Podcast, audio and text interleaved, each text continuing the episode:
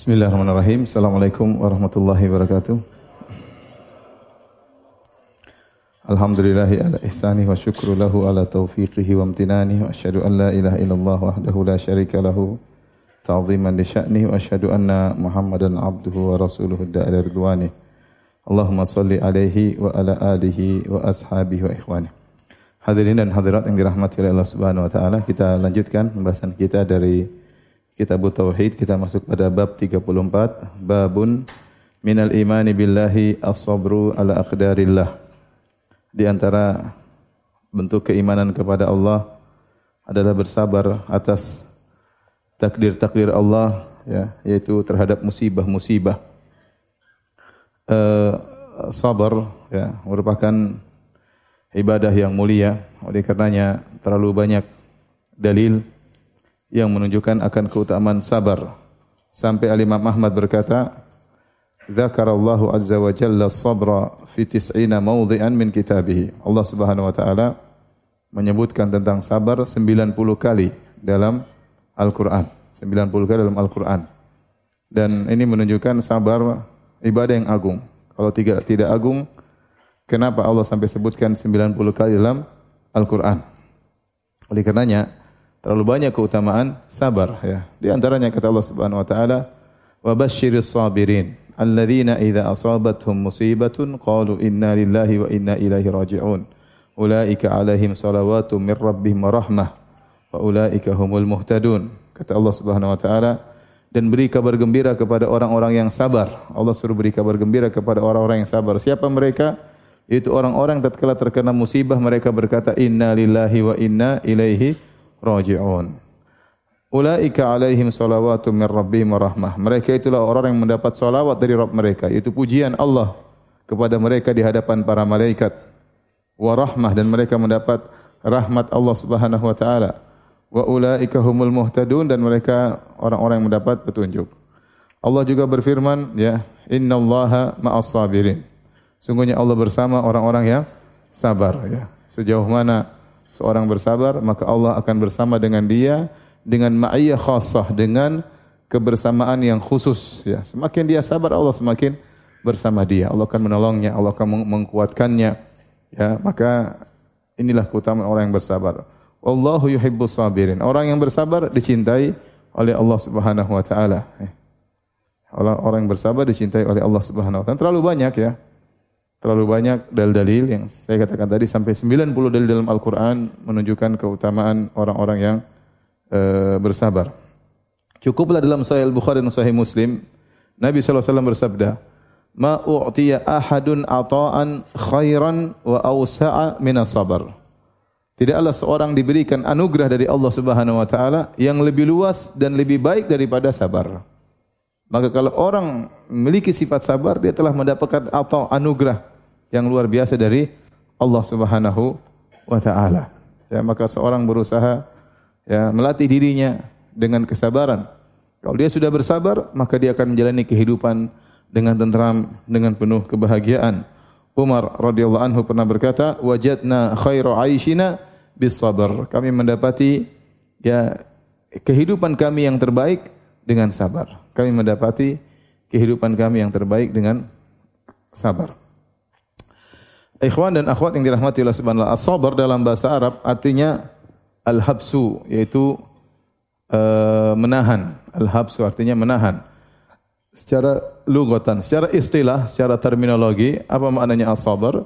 Sabar adalah menahan diri, yaitu menahan lisan dari kata-kata yang buruk yang menandakan protes kepada keputusan Allah, kemudian menahan uh, badan untuk melakukan perbuatan-perbuatan yang menunjukkan ketidaksabaran seperti menampar pipi, banting sana banting sini ya. Kemudian menahan hati untuk tidak bersuudzon kepada Allah, untuk tidak marah kepada Allah tatkala ditimpa dengan musibah ya. Ini secara umum makna sabar yaitu menahan ya. Makanya ada istilah kata para ulama kutila sobron, dia terbunuh dengan sabar maksudnya dia terbunuh dengan uh, tertahan kemudian dibunuh, bukan meninggal karena peperangan atau melawan kemudian terbunuh. Ya ada yang meninggal karena dia melawan akhirnya terbunuh, ada kutila sabron itu dia terbunuh, dia ditangkap kemudian dibunuh Dia tertahan kalau dia dibunuh.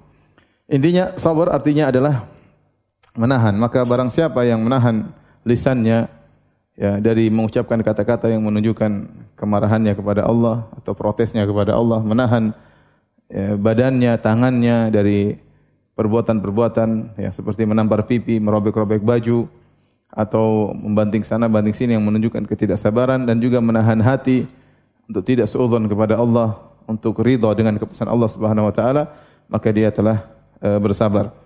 Para ulama menyebutkan sabar ada tiga macam.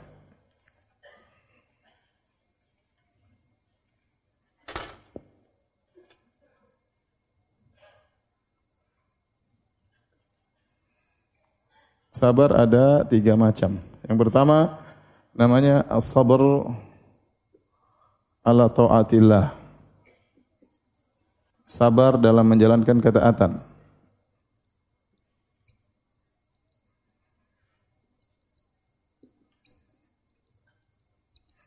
Yang kedua as-sabar an ma'siyatillah. Sabar menahan diri untuk meninggalkan maksiat. Meninggalkan maksiat. Yang ketiga, as-sabar sabar ala aqdarillah al-mu'limah. Itu sabar. Menahan diri dalam menghadapi musibah-musibah yang merupakan takdir Allah.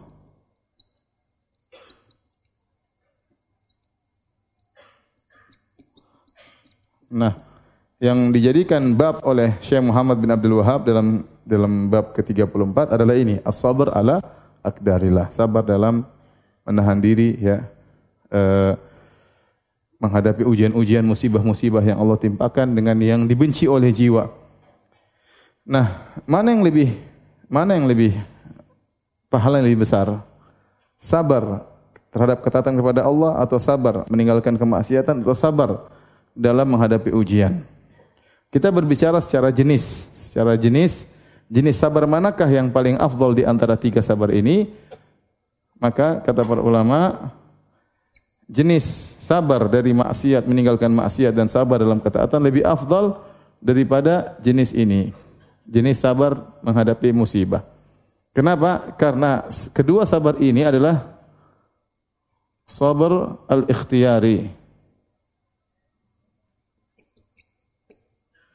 Adapun ini namanya as-sabar al-ittirari. Ini sabar pilihan. Adapun ini sabar terpaksa.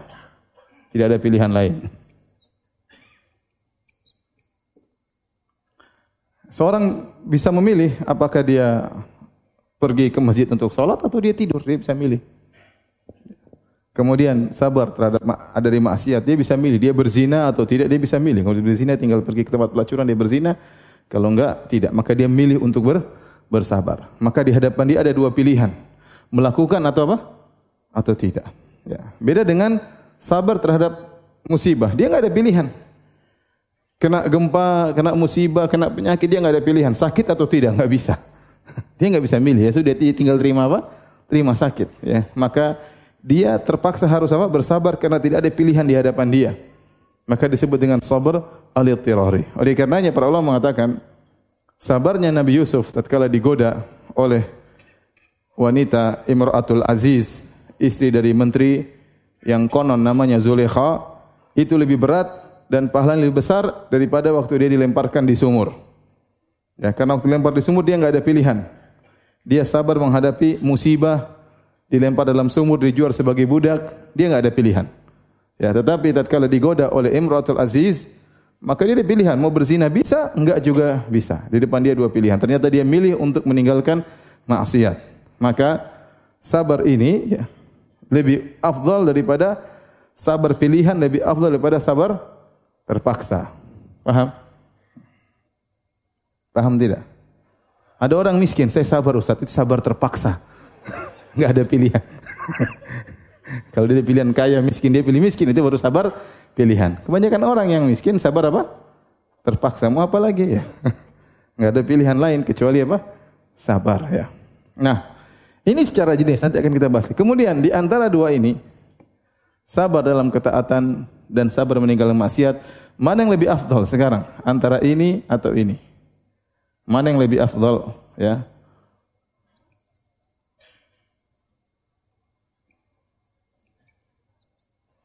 Ya. Uh, sebagian ulama berpendapat bahwasanya sabar dalam jalan ketaatan kepada Allah dibandingkan dengan sabar meninggalkan maksiat lebih afdal sabar meninggalkan maksiat ini lebih agung di sisi Allah. Kenapa? Karena pendorong atau motivasi yang mendorong dia untuk bermaksiat lebih berat daripada motivasi yang buat dia untuk meninggalkan ketaatan. Apa motivasi orang untuk bermaksiat? Syahwatnya. Dia syahwatnya, ingin memuaskan hawa nafsunya, ingin memuaskan syahwatnya dan bergejolak dalam hatinya. Menolak itu lebih berat daripada sabar di atas ketaatan. Apa yang mendorong orang untuk tidak taat? Kemalas. Mau ke masjid malas, mau sholat malas. Kekuatan dorongan antara hawa nafsu dengan kemalasan lebih kuat mana? Hawa nafsu. Ya. Kekuatan dorongan hawa nafsu untuk menjerumuskan orang dalam maksiat lebih berat, lebih kuat daripada kekuatan kemalasan untuk membuat orang meninggalkan ketaatan. Dari sisi ini, sebagian ulama berpendapat, ini jawabnya apa? Khilaf ya. Khilaf. Sebagian ulama berpendapat bahwasanya sabar meninggalkan maksiat lebih afdal daripada sabar meninggalkan ketaatan. Karena perjuangan dia lebih berat. Ya. Perjuangan dia lebih berat. Seorang tergoda dengan wanita, seorang ingin melihat hal-hal yang haram di depan di HP-nya atau ketika bersendirian, seorang ingin ini semua lebih berat daripada sekedar dia meninggal menanggalkan selimutnya karena ngantuk untuk sholat subuh ke masjid. Ya. Sehingga sebenarnya berpendapat sabar meninggalkan maksiat lebih berat daripada lebih afdal daripada sabar dalam menjalankan ketaatan. Pendapat yang kedua, sebaliknya dia mengatakan bahwasanya sabar menjalankan ketaatan lebih afdal daripada sabar dari maksiat. Kenapa? Ditinjau dari jenis ketaatan itu lebih disukai oleh Allah daripada jenis meninggalkan maksiat. Meninggalkan maksiat ibadah, menjalankan ketaatan ibadah. Jika dibandingkan antara ketaatan dalam menjalankan ibadah dengan ketaat uh, jika dibandingkan antara ibadah menjalankan ketaatan dengan ibadah meninggalkan maksiat lebih disukai ibadah menjalankan apa?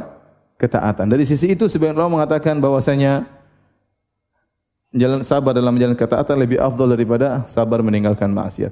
Ini pembahasan para ulama secara jenis ya. Tetapi kenyataannya kita lihat bisa jadi yang ini lebih berat daripada yang ini ya. Contoh misalnya seorang diuji, anaknya meninggal, ya tentu lebih lebih berat daripada sekedar diuji untuk pergi sholat subuh ke masjid. Itu tidak.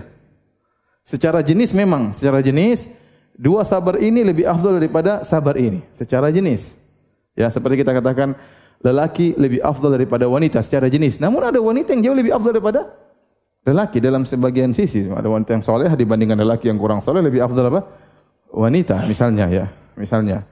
Ya, kata Allah walaisa dzakaru kal unsa, lelaki tidak sama dengan wanita, ya. Jadi dalam sebagian hal yang yang sabar ini lebih lebih agung, lebih lebih unggul dibandingkan yang lainnya. Contoh seperti Nabi Ayub alaihissalam yang Allah sebutkan dia diuji dengan ujian yang berat yaitu diberi sakit kata ahli tafsir selama tujuh tahun. Sakit yang membuat orang-orang jauh dari dia karena jijik melihat tubuhnya ya. Ini ujian nggak nggak gampang ya. Tujuh tahun sakit dengan parah seperti itu. Ini namanya sabar menghadapi ujian. Maka Allah menyebutkan uh, kesabarannya tersebut. Inna wajadnahu sabiran ya. Kami dapati dia seorang yang apa? Sabar. Ya. Allah puji dia khusus tentang kesabarannya dalam menghadapi ujian. Sementara Nabi Yusuf alaihissalam disebutkan secara khusus tentang kesabarannya dalam apa? Meninggalkan rayuan Zulekha ya. Jadi semuanya agung tetapi terkadang sesuatu lebih besar daripada yang lainnya ya. Paham?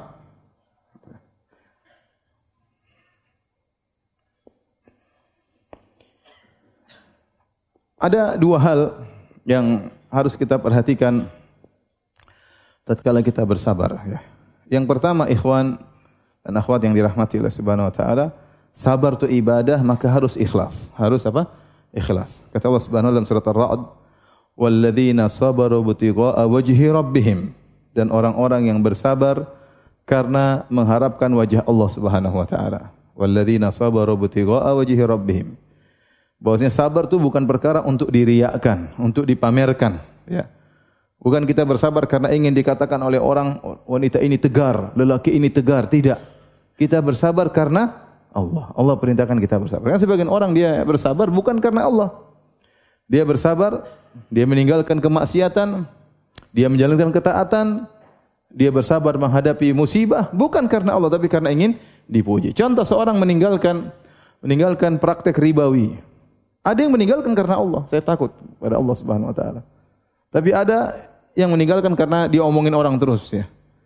Enggak enak sama kawan-kawan ya. Tinggal saya sendiri yang belum resign. Akhirnya dia resign juga, enggak enak sama kawan-kawan. Ini enggak benar seperti ini. Ya. Berarti dia bersabar meninggalkan kemaksiatan bukan karena Allah tapi karena teman-teman. Oleh karenanya para hadirin sabar itu harus karena Allah. Demikian seorang tatkala ya dia diberi musibah, mungkin terkena musibah misalnya ada uh, barang-barang yang dicuri hilang atau ada keluarganya yang meninggal dunia, kemudian dia bersabar, maka jangan dia tunjukkan bahwasanya dia bersabar karena mereka karena ingin pujian manusia, tapi dia bersabar karena Allah Subhanahu wa taala. Ini yang poin pertama yang harus diperhatikan. Sabar ibadah maka harus dilakukan karena Allah Subhanahu wa taala. Yang kedua, tidak mungkin seorang bersabar kecuali dengan izin Allah Subhanahu wa taala. Anda enggak mungkin bersabar. Kecuali Allah yang menjadikan Anda sabar. Kata Nabi, kata Allah Subhanahu wa taala, "Wasbir wa ma sabruka illa billah." Wasbir wa ma sabruka illa billah. Bersabarlah. Sungguhnya kau tidak bisa bersabar kecuali dengan izin Allah Subhanahu wa taala. Ya akhi, tidak mungkin kita bisa bersabar untuk pergi ke masjid, sholat subuh berjamaah, kemudian kita bisa continue, kecuali dengan izin Allah Subhanahu wa taala. Gak mungkin seorang bisa bersabar mengumpulkan uang untuk bisa umrah, untuk bisa haji kecuali dengan izin Allah Subhanahu wa taala. Ujian di depan dia banyak, dia ingin beli ini, beli anu, beli ini, ya. Ya, enggak mungkin seorang bisa bersabar misalnya menghadapi istri yang suka ngomel kecuali dengan izin siapa? Allah. Tidak mungkin seorang wanita bersabar dengan suami yang kurang ajar kecuali dengan izin siapa? Allah Subhanahu wa taala. Kita enggak mungkin sabar kecuali dengan izin Allah Subhanahu wa taala. Maka seorang jangan ujub dengan dirinya. Sungguhnya dia bisa bersabar dalam menjalankan ketaatan dengan taufik dari Allah Subhanahu wa taala. Demikian juga seorang tidak mungkin bisa bersabar meninggalkan maksiat kecuali dengan izin Allah Subhanahu wa taala. Hati ini liar, mata ini liar, ya, lisan ini liar, telinga ini liar, ingin mendengar apa yang dia kehendaki. Ingin mendengarkan hal-hal yang menyenangkan syahwat nafsunya, ingin melihat hal-hal yang menyenangkan hawa nafsunya, ya, ingin berucap berkata-kata yang haram yang disenangi oleh dirinya, tapi dia bisa menahan diri. Tidak mungkin dia bisa selamat dari hal maksiat-maksiat tersebut, dia bisa bersabar meninggalkan maksiat-maksiat tersebut kecuali karena izin siapa?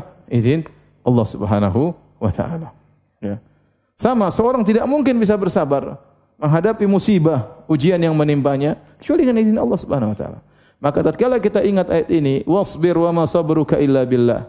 Bersabarlah, sungguhnya tidaklah kau bisa bersabar kecuali dengan izin Allah Subhanahu wa taala maka seorang sadar bahwasanya dia jangan sampai ujub bahwa dia tahu dia bisa bersabar karena izin Allah Subhanahu wa taala. Dari situ seandainya ternyata dia tidak bisa bersabar dalam satu hal, tidak bisa bersabar untuk salat berjamaah di masjid misalnya. Tidak bisa bersabar untuk melaksanakan salat malam misalnya, maka dia harus berjuang. Karena sabar tersebut suatu saat satu saat bisa dia raih. Karena Allah mengatakan wasbir wa ma sabruka illa billah. Kau tidak bisa bersabar dengan izin Allah, maka dia minta kesabaran kepada Allah Subhanahu wa taala. Sabar untuk melaksanakan ketaatan. Sabar untuk salat berjamaah selalu, sabar untuk bisa bersedekah, ya. Sabar untuk bisa salat malam. Dan dia berjuang, kata Nabi SAW, "Wa man yatasabbar yusabbirhullah." Barang siapa yang membiasakan dirinya bersabar, Allah akan buat dia bersabar.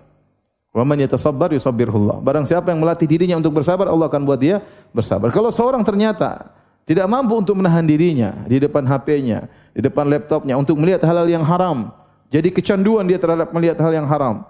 maka yakinlah suatu saat dia bisa meraih kesabaran tersebut. Yang jelas dia minta kepada Allah, dia berjuang. Wa man yatasabbar yusabbirullah.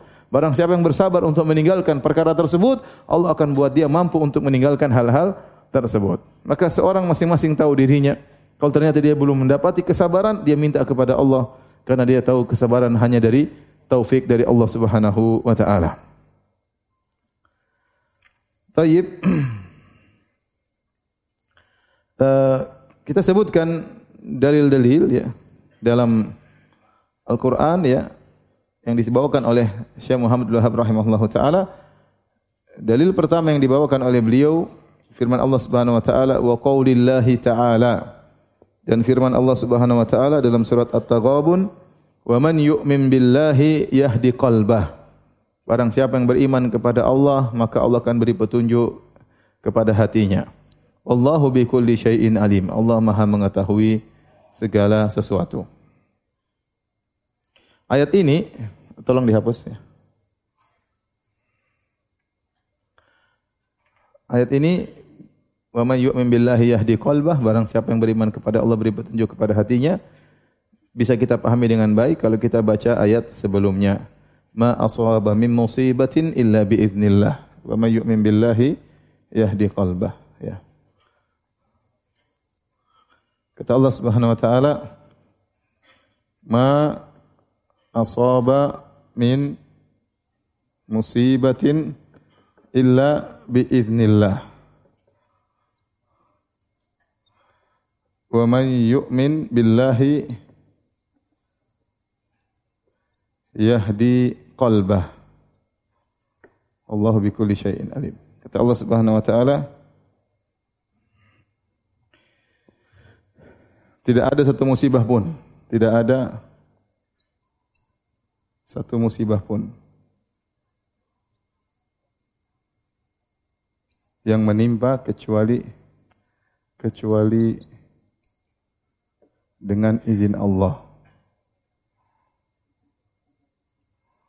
Barang siapa yang beriman kepada Allah, siapa yang beriman kepada Allah,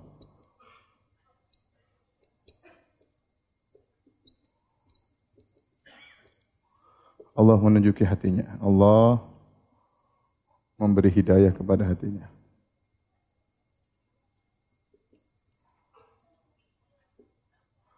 Kepada hatinya. Baik.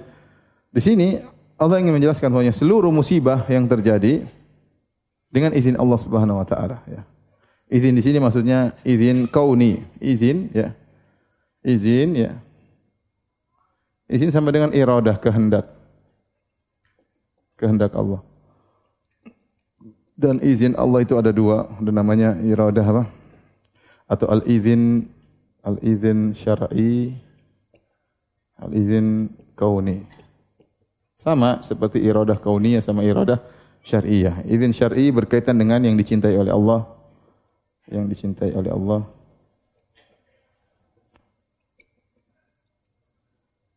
Adapun izin kauni bisa dicintai Allah, bisa tidak.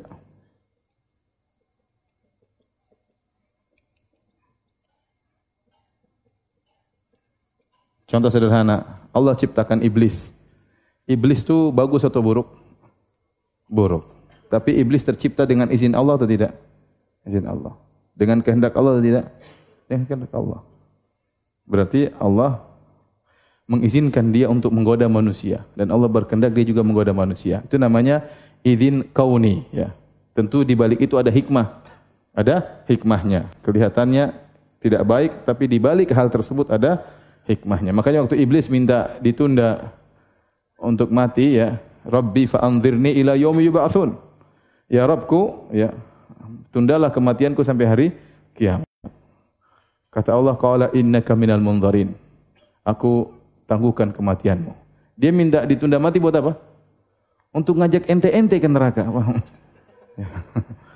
La ahtanikannahu wa dzurriyyat ahtanikanna dzurriyyatahu. Aku akan mengajak mereka ya. Aku akan mengajak keturunannya Adam ya. La uzayyina lahum fil ard. Aku akan menghiasi kemaksiatan di atas muka bumi agar mereka tergoda. Dia ungkapkan semua. Kata Allah, silakan. Berarti Allah mengizinkan dia untuk hidup lama untuk apa? Menggoda. Itu namanya izin kauni, ya. Namanya izin kauni. Allah mengizinkan ini semua karena ada maslahat di balik itu untuk menguji hamba-hambanya ya dan banyak ini ini insyaallah kita bahas dalam masalah takdir suatu saat. Cuma saya ingin bagi hal ini aja ya. Ya. Seperti firman Allah Subhanahu wa taala ya. Wa ma hum bidharina seperti wa ma hum bidharrina min ahadin illa biiznillah.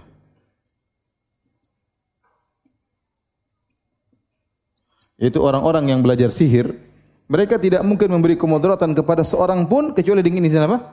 Allah. Artinya sihir tidak mungkin bisa menimpa orang kecuali dengan izin izin Allah. Apakah Allah suka dengan sihir? Tidak, tapi Allah izinkan terjadi. Faham? Allah izinkan terjadi. Namanya izin kauni. Ya. Adapun izin syar'i seperti dalam firman Allah Subhanahu wa taala uh, Kul ara'aytum ma anzalallahu lakum min rizqin faja'altum minhu haraman wa halalan Kul Allahu adzina lakum am 'ala Allahi taftarun ya Tatkala Allah mengatakan bahwasanya Allah menurunkan ya uh, hukum-hukumnya kemudian kalian merubah kalian menjadikan ini halal ini haram tanpa ada izin dari Allah maka Allah berkata Allahu adzina lakum.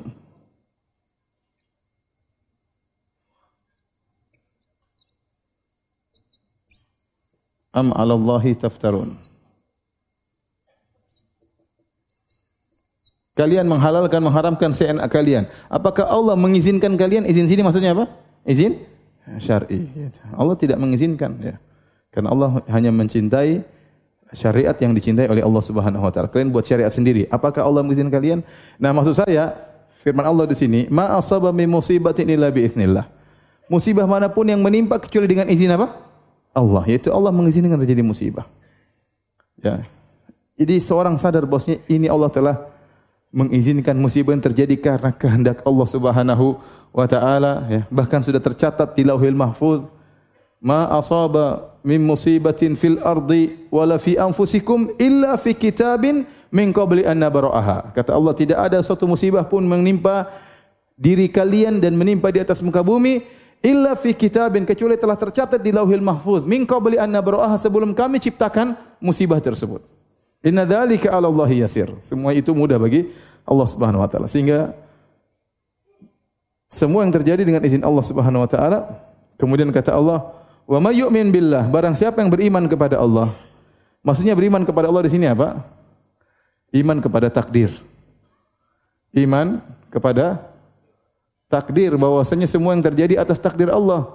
Bukankah di antara rukun iman yang keenam wal imanu bil qadari khairihi wa syarrihi beriman kepada takdir, takdir yang baik maupun takdir yang buruk. Dan namanya musibah, semua orang nggak suka. Siapa yang suka dikasih musibah?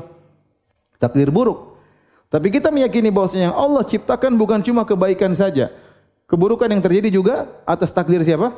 Allah Subhanahu wa taala. Namun saya ingatkan, semua musibah, semua kerusakan yang terjadi yang terjadi dengan izin Allah, di balik itu semua ada maslahat. Ada sesuatu yang Allah cintai. Sederhananya seperti inilah, ada orang sakit, kita kasih obat. Obat itu kan enggak enak. Tapi di balik obat tersebut ada apa? Kesembuhan. Terkadang harus diamputasi. Karena di balik amputasi tersebut ada uh, kebaikan. Kata Allah Subhanahu wa taala, "Dhaharal fasadu fil barri wal bahri bima kasabat aydin nas liyudhiqahum ba'dalladzi amilu la'allahum yarji'un." Kami telah telah telah tampak kerusakan di daratan di lautan, musibah-musibah akibat ulah perbuatan manusia agar mereka merasakan sebagian dari dampak perbuatan mereka agar mereka kembali. Jadi Allah ciptakan musibah, kerusakan agar manusia apa? sadar. Kerusakan tersebut Allah tidak sukai. Wallahu la yuhibbul fasad. Dalam Quran Allah tidak suka dengan kerusakan, tapi Allah bikin kerusakan tersebut. Saya ulangi. Allah suka kerusakan atau tidak? Tidak. Wallahu la yuhibbul fasad. Allah tidak suka kerusakan, tapi Allah ciptakan kerusakan tersebut keburukan, tapi di balik keburukan tersebut Allah izinkan terjadi keburukan tersebut karena ada sesuatu yang Allah cintai itu agar manusia sadar. Faham? Ada manusia sadar. Sederhananya, iblis Allah tidak sukai menggoda manusia. Tapi dengan adanya iblis, maka ada ujian bagi manusia. Akan nampak mana yang imannya benar, mana yang imannya yang tidak benar. Akan nampak orang-orang berjihad di jalan Allah Subhanahu wa taala. Ya, akan ada surga dan neraka, ya. Akan ada orang yang minta ampun kepada Allah Subhanahu wa taala. Allah bisa menampakkan sifat gofurnya dan banyak masalah di balik adanya iblis, ya. Tapi ente jangan digoda iblis. Jadi iblis itu ada manfaatnya. di balik kerusakan dia ada maslahat yang Allah kehendak. Ini nanti insyaallah kita bahas dalam masalah apa? Takdir. Saya takut antum bertanya-tanya maka saya jelaskan secara sederhana. Intinya, wa man yu'min billah, iman kepada Allah banyak. Iman kepada Allah itu banyak hal, tetapi yang dimaksud dalam ayat ini wa man yu'min billah yaitu iman kepada takdir bahwasanya musibah tersebut karena takdir siapa? Allah. Nah, barang siapa yang beriman dengan hal ini, yahdi qalbah, Allah akan beri petunjuk kepada hatinya. Allah akan beri petunjuk kepada hatinya, itu Allah akan buat dia tenang, Allah akan buat dia pasrah, Allah akan buat dia semakin beriman, ya, dia membuat dia husnuzan kepada Allah Subhanahu wa taala dan ini dalil bahwasanya kebaikan akan mendatangkan kebaikan setelahnya. Kebaikan akan mendatangkan kebaikan setelahnya. Kebaikan yang pertama dia beriman kepada takdir Allah. Allah berikan kebaikan kedua, Allah menjadikan hatinya apa? Mendapat hidayah. Paham?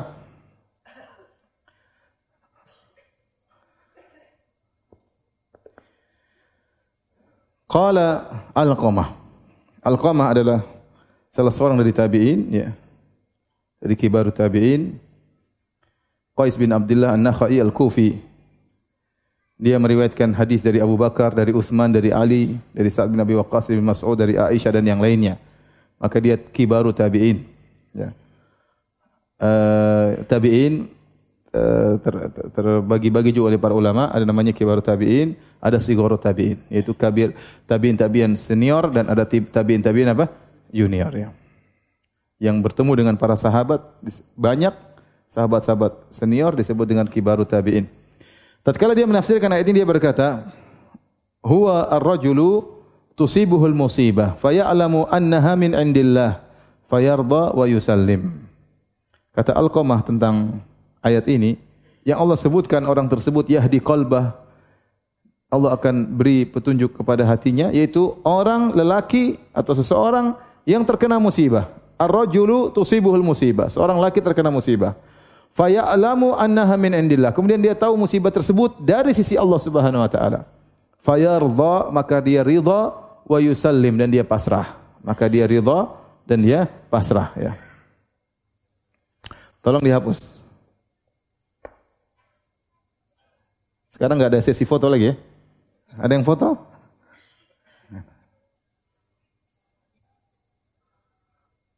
Oke, sudah. Silakan hapus.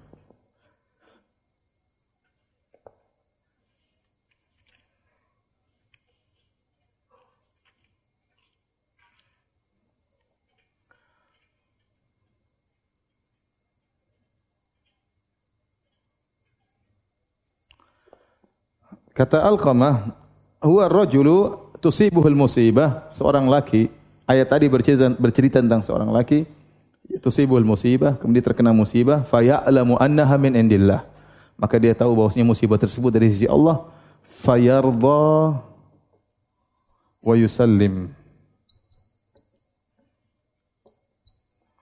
Fayarda wa yusallim. Itu ridha dan dia pasrah ya dia rela dan dia pasrah. Menyerah diri, menyerahkan diri, dia rela. Yang wajib bagi seorang terkena musibah adalah sabar. Yang wajib bagi seorang terkena musibah adalah apa? Sabar. Ridho adalah tingkat yang lebih tinggi daripada sabar. Kata para ulama, ridho itu mustahab. Tidak semua orang ridho. Ya, ridho itu maksudnya dia senang dengan musibah tersebut. Ya sudah, Alhamdulillah. Dapat musibah, Alhamdulillah. Enggak gampang orang bilang begitu. Ya. Kadang orang mengucapkan dengan berat hati, Alhamdulillah, ala kulli hal. Alhamdulillah. itu berarti dia belum. Kalau ridho itu derajat lebih tinggi. Alhamdulillah. Alhamdulillah. Dia ridho dengan keputusan tersebut. Dia yakin di balik musibah tersebut ada kebaikan sehingga dia senang dengan musibah tersebut. Dia bukan berharap musibah, tapi dikasih dia senang. Ya. Kata Nabi sallallahu alaihi wasallam, "La tatamannau liqa'al adu, fa idza laqitumuhu fasbutu, jangan kalian berangan-angan bertemu dengan musuh. Tapi kalau sudah bertemu sabar. Ya, kita tidak berangan-angan dikasih musibah. Tapi kalau kasih musibah harus apa? Sabar. Jadi tingkatan orang menerima musibah ada dua, ya. Tingkatan orang menerima musibah ada dua. Yang pertama sabar. Yang kedua ridha. Sabar nih hukumnya tadi apa? wajib. Hukumnya wajib. Kalau ridho hukumnya apa? Sunnah. Disukai. Tidak sampai wajib. Tidak wajib. Kalau bisa maka itu yang terbaik. Kalau tidak bisa yang penting dia harus sabar. Sabar tadi apa? Dia tidak boleh seudon kepada Allah. Tahan hatinya. Kemudian dia tahan lisannya.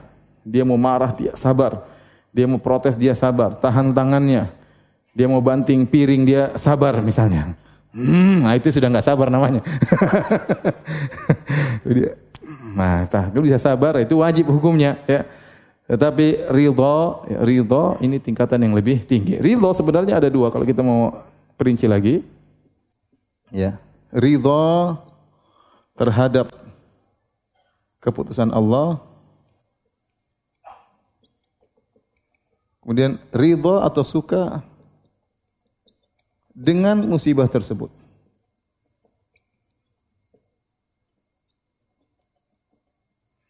Nah, kalau ridho terhadap keputusan Allah, inilah yang merupakan sabar. Ini sama dengan apa? Sabar. Sama dengan sabar. Nah, ini yang kita bilang apa? Ini. Yang sunnah itu yang ini. Ridho terhadap musibah itu sendiri. Ente harus ridho dengan keputusan Allah ya. Tapi ente ridho dengan musibah tersebut itu tingkatan lebih tinggi. Ya. Tingkatan lebih lebih tinggi. Tapi Nabi mengajarkan kita untuk melatih diri. Makanya kalau kita terkena musibah langsung kita bilang apa? Alhamdulillah ala kulli hal. Dan ini kekuatan luar biasa. Kalau orang terkena musibah, dia ucapkan inna lillahi wa inna ilaihi raji'un. Insyaallah sabar. Ya, insyaallah sabar. Sungguhnya kita ini milik Allah dan semuanya akan kembali kepada Allah. Semua aturan Allah. Allah yang berkehendak. Mau apa lagi? Inna lillahi wa inna ilaihi rajiun. Terus kita bilang, Alhamdulillah ala kulli hal. Segala puji bagi Allah atas segala keputusan, atas segala kondisi. Maka itu melatih diri kita untuk apa? Untuk ridho, tapi berat ya. Ini cuma teori ya. Prakteknya berat.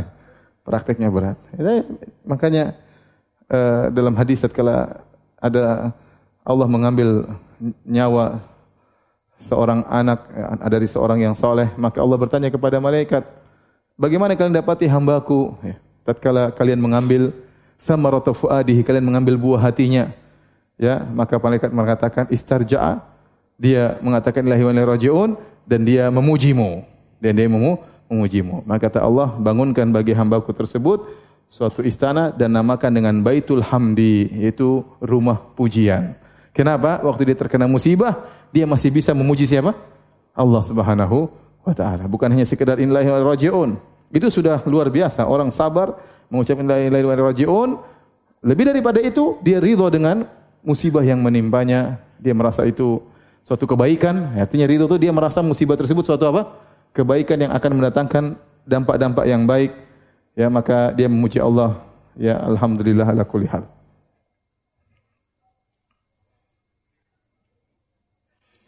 Taib, kita lanjutkan hadis berikutnya.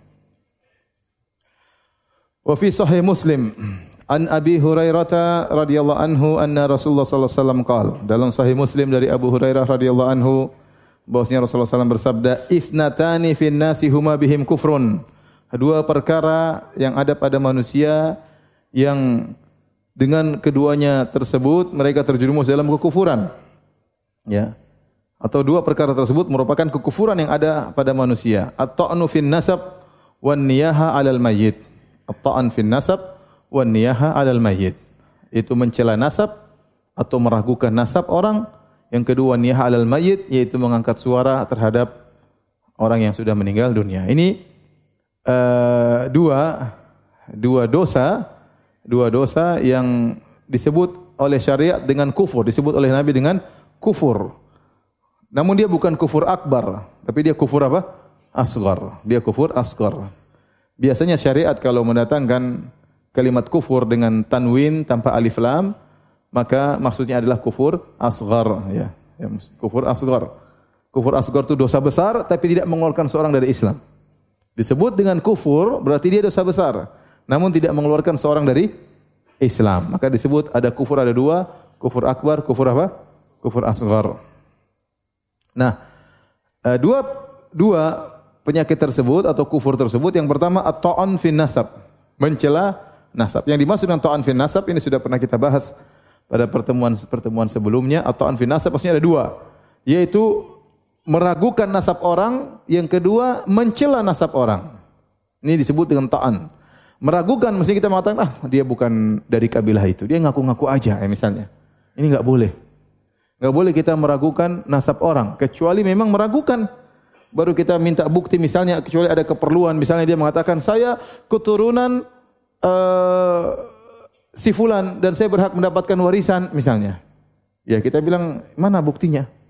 Kamu keturunan si fulan.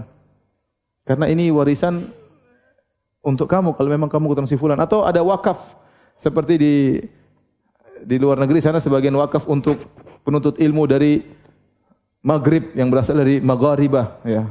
Sebagian kawan-kawan saya mendapat wakaf tahunan. Selama dia orang Maghrib, dia dapat wakaf, dia pergi ke Mekah, dia tunjukkan dia orang Maghrib, ada buktinya, dikasih duit.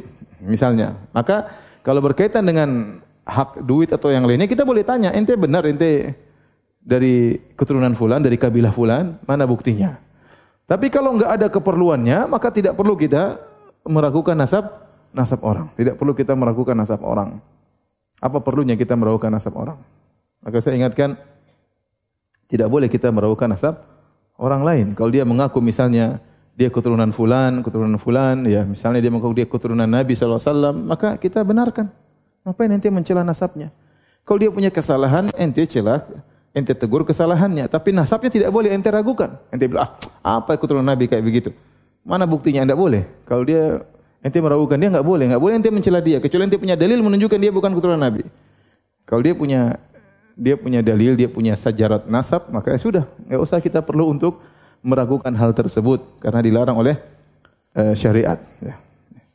Kalau orang mengatakan saya keturunan raja, raja mana? Raja di Sulawesi. Ya sudah, ente ah, ente raja apa kayak intinya? Enggak perlu, ya biarin aja. Kerajaannya masih ada, sudah enggak ada. Tapi saya keturunan raja, ya sudah, biar ente ngapain celah nasabnya, ya. Ini yang pertama, yang maksud mencela nasab adalah meragukan nasabnya. Yang kedua, mencela nasab tersebut. Ente dasar suku ini, dasar suku ini misalnya, itu enggak boleh. Berarti ente mencela kabilahnya, itu hukumnya haram dan itu dosa besar. Itu dosa dosa besar. Yang kedua yang menjadi perhatian kita adalah an-niyaha 'alal mayyit, yaitu meratapi mayat, meratapi mayat. An-niyaha yaitu raf'us saut, mengangkat suara meratapi mayat di antaranya dengan menyebutkan keba menyebutkan kebaikan-kebaikan si mayat. Ini mayat dulu, ini orang ini dulu soleh banget, ini orang dulu suka bantu. Eh, tidak boleh seperti itu. Tidak boleh kita mengangkat suara, kemudian kita menyebut kebaikan-kebaikannya. Ini termasuk an-niyaha. Meratapi, dosa besar. Makanya kata Nabi SAW, An-na'ihah illam tatub qabla mautiha tuqamu yaumal qiyamah wa alaiha sirbalun min qatiran wa dir'un min jarab. Kata Nabi SAW, seorang wanita yang melakukan niyahah dan dia meninggal sebelum bertobat, maka pada hari kiamat dia akan dihadirkan dan dia akan diberikan pakaian terbuat dari uh, apa logam yang dileburkan yang panas dan dikasih pakaian yang isinya sangat membuat gatal badannya. Ini menunjukkan niyahah dosa dosa besar. Azan kah? Baik, azan dulu. An-niyaha 'alal mayyit ini menunjukkan bentuk ketidaksabaran. Dan ini yang menjadi patokan kita atau perhatian kita dalam hadis ini. Karena wanita yang kemudian meratapi, mengangkat suaranya, seakan-akan dia protes kepada Allah, kenapa si fulan mati, begitu baiknya dia, dia dulu begini saya beginiin saya, dia dulu membantu saya, dia adalah orang begini begini. Ini tidak boleh. Seperti ini tidak diperbolehkan. Ya, maka itu adalah bentuk uh, dari dosa besar. Dosa besar bukan dosa kecil, dosa besar. Kenapa dia protes dengan keputusan Allah Subhanahu wa taala? Oleh karena saya katakan dosa itu bukan berkaitan dengan mendolimi orang saja. Terkadang dosa berkaitan dengan akidah itu dosanya besar. Ya, seperti ini. Kenapa dia dosa besar? Karena dia protes terhadap keputusan Allah Subhanahu wa taala. Namanya seorang hamba yang benar yang itu tunduk kepada keputusan Allah Subhanahu wa taala. Uh, demikian juga walahuma an Ibnu Mas'udin marfu'an. Demikian juga Imam Bukhari Imam Muslim dari Ibnu Mas'ud radhiyallahu taala anhuma radhiyallahu taala anhu, Nabi bersabda, "Laisa minna man darabal khududa." Bukan dari golongan kami seorang tatkala terkena musibah darabal khududa, dia tampar-tampar pipinya. Wa syaqqal juyuba, dia robek-robek bajunya. Wa da'a bi da'wal jahiliyah, dia menyeru dengan suruhan jahiliyah. Ini tatkala Nabi berkata, "Laisa minna," bukan dari golongan kami, artinya bukan dari orang-orang yang beriman dengan iman yang sempurna. Dan Ibn Taimiyah rahimahullah mengatakan kalau Nabi berkata, "Laisa minna," itu menunjukkan dosa besar. Bukan dari golongan kami, berarti apa yang dilakukan itu merupakan dosa besar. Maka di antara dosa besar adalah seorang tatkala terkena musibah, maka dia tampar-tampar pipinya. Ini dilakukan oleh orang-orang dahulu. Kalau mungkin zaman sekarang ya tarik-tarik rambutnya ya. Ini menunjukkan dia tidak terima ya. Yang dikabarkan misalnya suaminya meninggal maka dia meronta-ronta, dia banting sana banting sini dosa besar sebenarnya enggak boleh. Ya, dikabarkan anaknya meninggal maka dia pun merobek-robek bajunya ya, tampar-tampar pipinya ya. Wada beda awal jahiliyah kemudian dia seru berseru dengan seruan jahiliyah maksudnya niyahah ya. Meratapi oh dan itu bukan dari Islam. Kita dapati agama lain seperti itu. Justru waktu ada yang meninggal mereka saling lomba-lomba untuk meratapi. Datang seorang kepada mayat kemudian meratapi dengan ratapan-ratapan datang satunya lagi meratapi dengan ratapan-ratapan menyebutkan kebaikan-kebaikan mayat tersebut. Islam tidak demikian. Islam mengajarkan seorang untuk sabar dengan keputusan Allah Subhanahu wa taala mengajarkan akhlak yang mulia ya dan da'a awal jahiliyah di sini seruan jahiliyah di antara yang merupakan dosa besar diharamkan dalam hadis ini maksudnya adalah niyahah. Ya tadi meratapi. Tapi sebagian ulama memandang umum di antara dakwah jahiliyah yaitu seperti kata Ibnu Qayyim, ad-da'a bid'awal ad-du'a bid'awal jahiliyah kad-du'ai ilal qabail wal asabiyah. Di antara dakwah jahiliyah adalah menyeru kepada kabilah-kabilah dan kepada uh, asabiyah, fanatik, fanatisme. Contoh, memithluhu ta'assubu ilal madhahib wa tawaif wal masyayikh. Kata Ibnu Qayyim seperti fanatik kepada madhab-madhab tertentu sehingga dia bangun al-wala wal bara di atas madhabnya. Kalau enggak seperti ini maka bukan di atas Al-Quran dan Sunnah. Itu yang disebut dengan hizbiyah, yaitu membangun al-wala wal bara, benci atau rindu, loyalitas atau permusuhan dibangun di atas selain Al-Quran dan Sunnah. Seperti dibangun di atas organisasi misalnya, seperti dibangun di atas uh, madhab tertentu, seperti dibangun di atas kelompok tertentu, loyalitas dan permusuhan, seperti dibangun di atas guru tertentu, masyayikh. Dan ini terjadi. Sebagian orang gurunya dibela mati-matian, kalau ngikut gurunya, gurunya kalau mengkritik gurunya maka musuh, membela gurunya maka kawan, ini tidak benar. Tidak ada al-wala wal bara, loyalitas dan permusuhan kecuali di atas Al-Qur'an dan apa? sunnah. Semua loyalitas dan permusuhan, al-wala wal bara yang dibangun di atas selain Al-Qur'an dan sunnah maka itulah hizbiyah, itulah dakwal jahiliyah. Ya. Sampai waktu di zaman Nabi SAW ada sebagian sahabat mengatakan, Ya lal ansar, ya lal muhajirin, ay kaum ansar, ay kaum muhajirin. Nabi marah. Padahal mereka menyebut dengan nama-nama syar'i, ansar muhajirin dipuji oleh Allah atau tidak? Dipuji. Namun tatkala seruan tersebut menimbulkan permusuhan, maka Nabi mengatakan, Abi dakwal jahiliyah, Wa ana baina adhhirikum apa kalian menyuruh surah jalil pada saya masih ada di antara kalian? Da'uha fa innaha muntinah. Tinggalkan seruan tersebut. Ini seruan yang mengeluarkan bau yang busuk ya. Nabi tidak suka. Padahal yang disuruh apa? Ansar dan Muhajirin yang nama-nama syar'i. Tapi tatkala itu mengarah kepada kepada permusuhan maka dibenci oleh Nabi sallallahu alaihi wasallam. Maka ingat kita sebagian penuntut ilmu terjebak di membela gurunya mati-matian dan ini terjadi ya.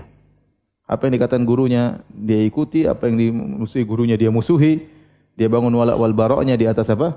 Gurunya atau di atas kelompoknya, di atas organisasinya, di atas yayasannya dan ini adalah seruan jahiliyah, ya.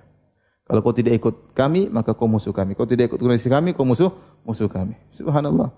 Sehingga terkadang dia mensikapi saudaranya yang sama muslim seperti orang kafir. Bahkan lebih buruk daripada orang orang kafir. Ya akhi subhanallah. Ini adalah dakwah jahiliyah. Ini tersebar di sebagian kaum kaum muslimin. Yang terakhir yang perlu kita ingatkan ada perkara-perkara yang bukan niyah, seperti tangisan. Seorang menangis itu bukan niyah ya.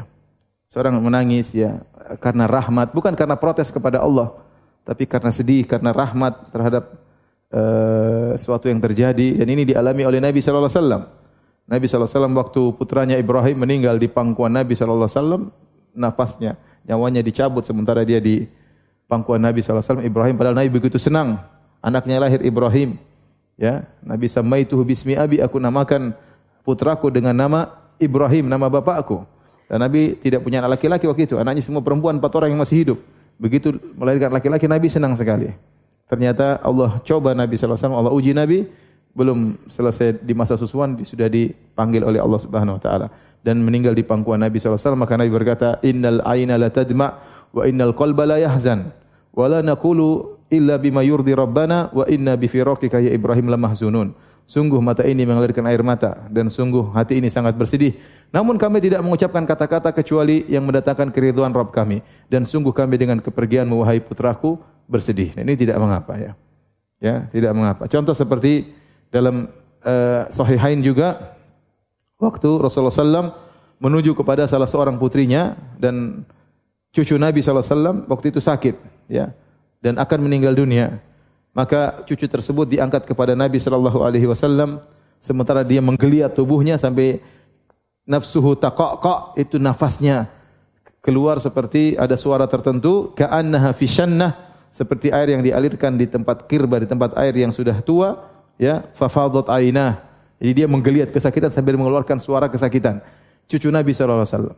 Maka Nabi pun menangis. Nabi pun menangis. Maka saat berkata, "Ma hadza ya Rasulullah? Kenapa engkau nangis ya Rasulullah?" Qala hadhihi rahmatun ja'alahu Allah fi qulubi ibadi. Ini rahmat sikap rahmat sayang kasih sayang Allah jadikan di hati hamba-hambanya. Wa inna ma yarhamullah min ibadihi ruhama. Sungguhnya Allah merahmati mengasihi hamba-hambanya yang juga pengasih. Jadi sekedar tangisan tidak disertai dengan teriakan dan hal-hal yang menunjukkan protes ya, maka itu tidak tidak mengapa ya. Kemudian di antara yang bukan perkara niyah yang disebut oleh para ulama adalah menyebutkan kebaikan mayat tanpa disertai dengan ratapan. Hanya sekedar menyebutkan ya sedikit tidak jadi masalah ini orang soleh. Tapi kalau ini orang soleh, ini orang itu nggak boleh itu namanya niyah. Ini dilakukan oleh uh, Fatimah radhiyallahu taala anha waktu ayahnya Nabi SAW meninggal dunia, maka Fatimah berkata, ya abata ya wahai ayahku ya eh, apa namanya dia telah memenuhi panggilan Tuhannya ya.